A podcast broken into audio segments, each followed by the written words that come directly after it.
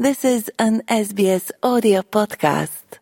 SBS acknowledges the traditional custodians of country and their connections and continuous care for the skies, lands, and waterways across Australia.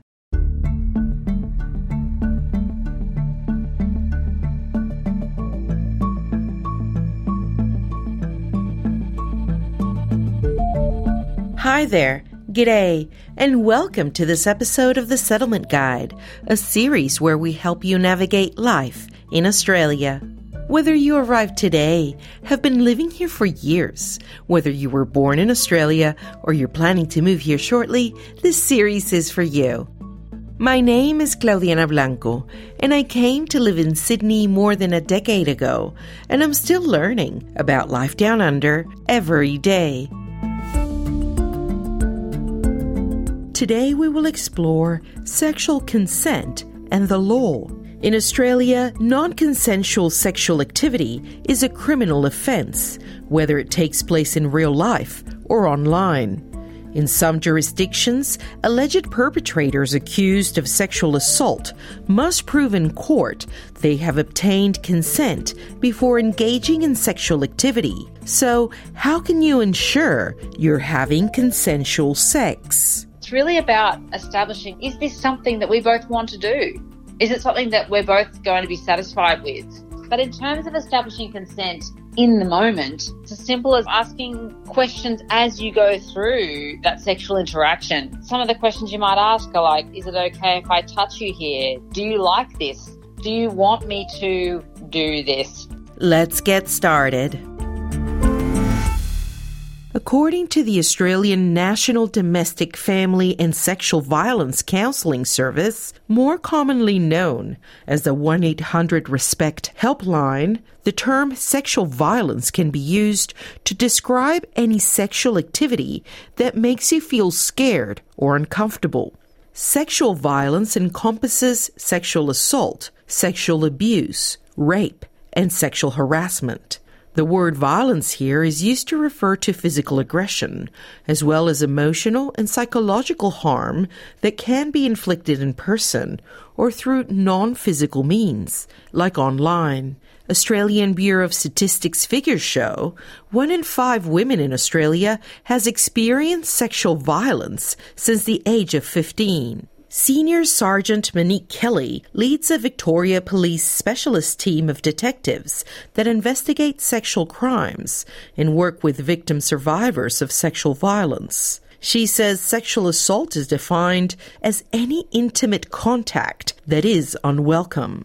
It's any unwarranted contact of a private part of the anatomy where your free agreement, where consent is not being given. That can be a physical touch, can be done through the media.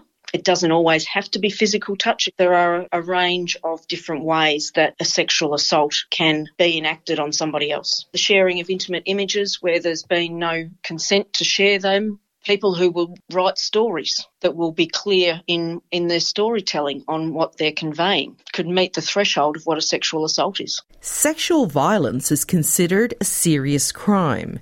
In recent years, some Australian jurisdictions have been changing their laws to mandate those accused of sexual offences to prove in court that they obtained consent before engaging in sexual activity. Investigative journalist Jess Hill has explored sexual consent in the three part documentary series Asking for It.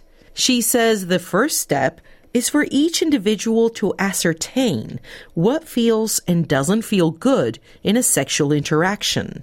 Once you know your stance and boundaries, you should establish them and also ask your partner how they're feeling. It's important parties learn how to say yes or no at every stage of the intimate activity. It's really about establishing is this something that we both want to do? Is it something that we're both going to be satisfied with? But in terms of establishing consent in the moment, it's as simple as asking questions as you go through that sexual interaction. Some of the questions you might ask are like, is it okay if I touch you here? Do you like this? Do you want me to do this? Can I do this? Literally just checking in so that it's not a totally silent exercise. Ensuring sexual consent means you should confirm there is an enthusiastic, affirmative approval of all sexual activities being performed during the whole duration of the interaction. In certain jurisdictions, for sex to be lawful, it is no longer enough to assume you have sexual consent. You must seek it actively and repeatedly. Ensuring sexual consent entails much more than thinking someone is seemingly agreeing to a sexual activity. You should look out for verbal and nonverbal cues that indicate sexual consent is or isn't being freely granted. This is because consent can be retracted at any stage, and if your partner falls silent or becomes paralyzed, they may be signaling dissent.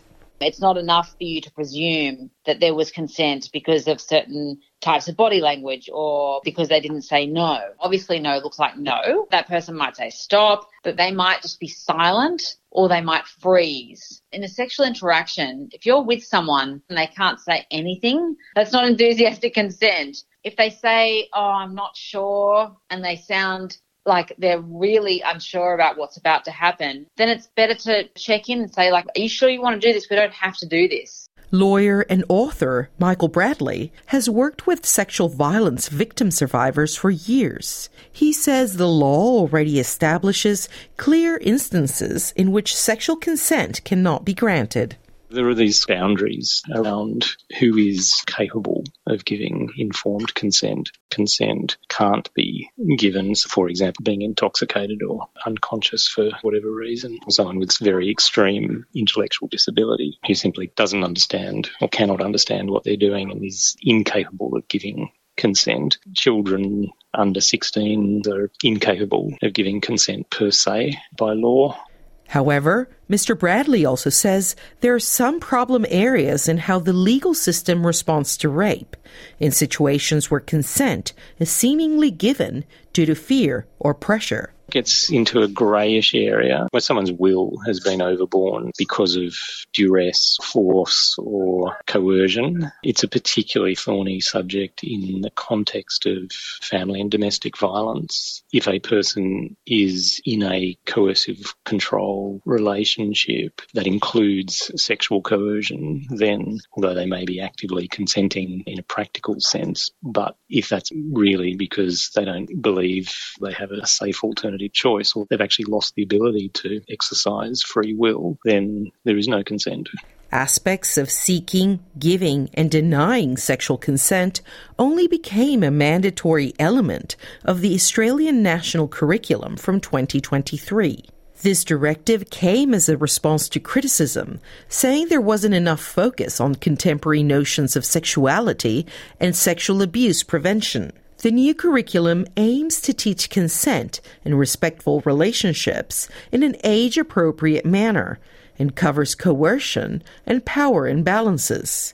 It also delves into gendered stereotypes, including the differences in the traditional cultural expectations placed on men and women. Richie Hardcore is an educator and activist with years of experience working in family and sexual violence prevention. He provides frank sex education and consent programs to schools across Australia and New Zealand. He believes there is a discrepancy between the cultural norms that discourage speaking openly about sex due to taboos and stigma and the sexual objectification of women in advertising while children increasingly access explicit and often violent pornographic material online popular culture normalizes sexual aggression and sexual dominance, often in a gendered asymmetrical way. Boys and men often as power of a woman and girls. Women and girls are shaped to sexually acquiesce to male advances. We really need to do a better job of talking about sexual autonomy and sexual agency and mutual sexual pleasure and talk about like the good side of sex as much as avoiding the harm of it because sex is this amazing human experience and however you're having it, no one should be getting hurt physically, emotionally or spiritually. Given sexual consent is retractable, and generations have grown up unaccustomed to asking for sexual consent during their intimate interactions, this means many sexual encounters may inadvertently be non consensual let's give everyone the language that they need and then the social normalization of having these conversations. I think it will undo a lot of harm. When we talk about rape, we often think about someone jumping out of the bushes with a knife and dragging someone off, and sadly that happens. But most sexual violence is perpetrated by someone who knows the victim or people on Tinder dates or even within relationships. That's the fact of the matter. So how do we ensure that people are having non-violent, mutually pleasurable, consensual sexual experiences? Experiences. For Jess Hill, learning how to ask for sexual consent in a way that feels natural involves deconstructing culturally imposed shame around sex, updating misplaced, gendered sexual expectations, and antiquated notions of femininity and masculinity there is definitely a lot for women and men to unlearn in terms of the, how they situate and construct their own desire. It's no small task. That's why saying yes is as important as saying no. If you require emotional support, you can contact 1 800 RESPECT or Lifeline on 13 11 14 or Beyond Blue on 1 800 22 4636. Thank you for listening to this episode of The Settlement Guide, written and produced by me, Claudianna Blanco. The Settlement Guide managing editor is Rosa Germian. Until next time.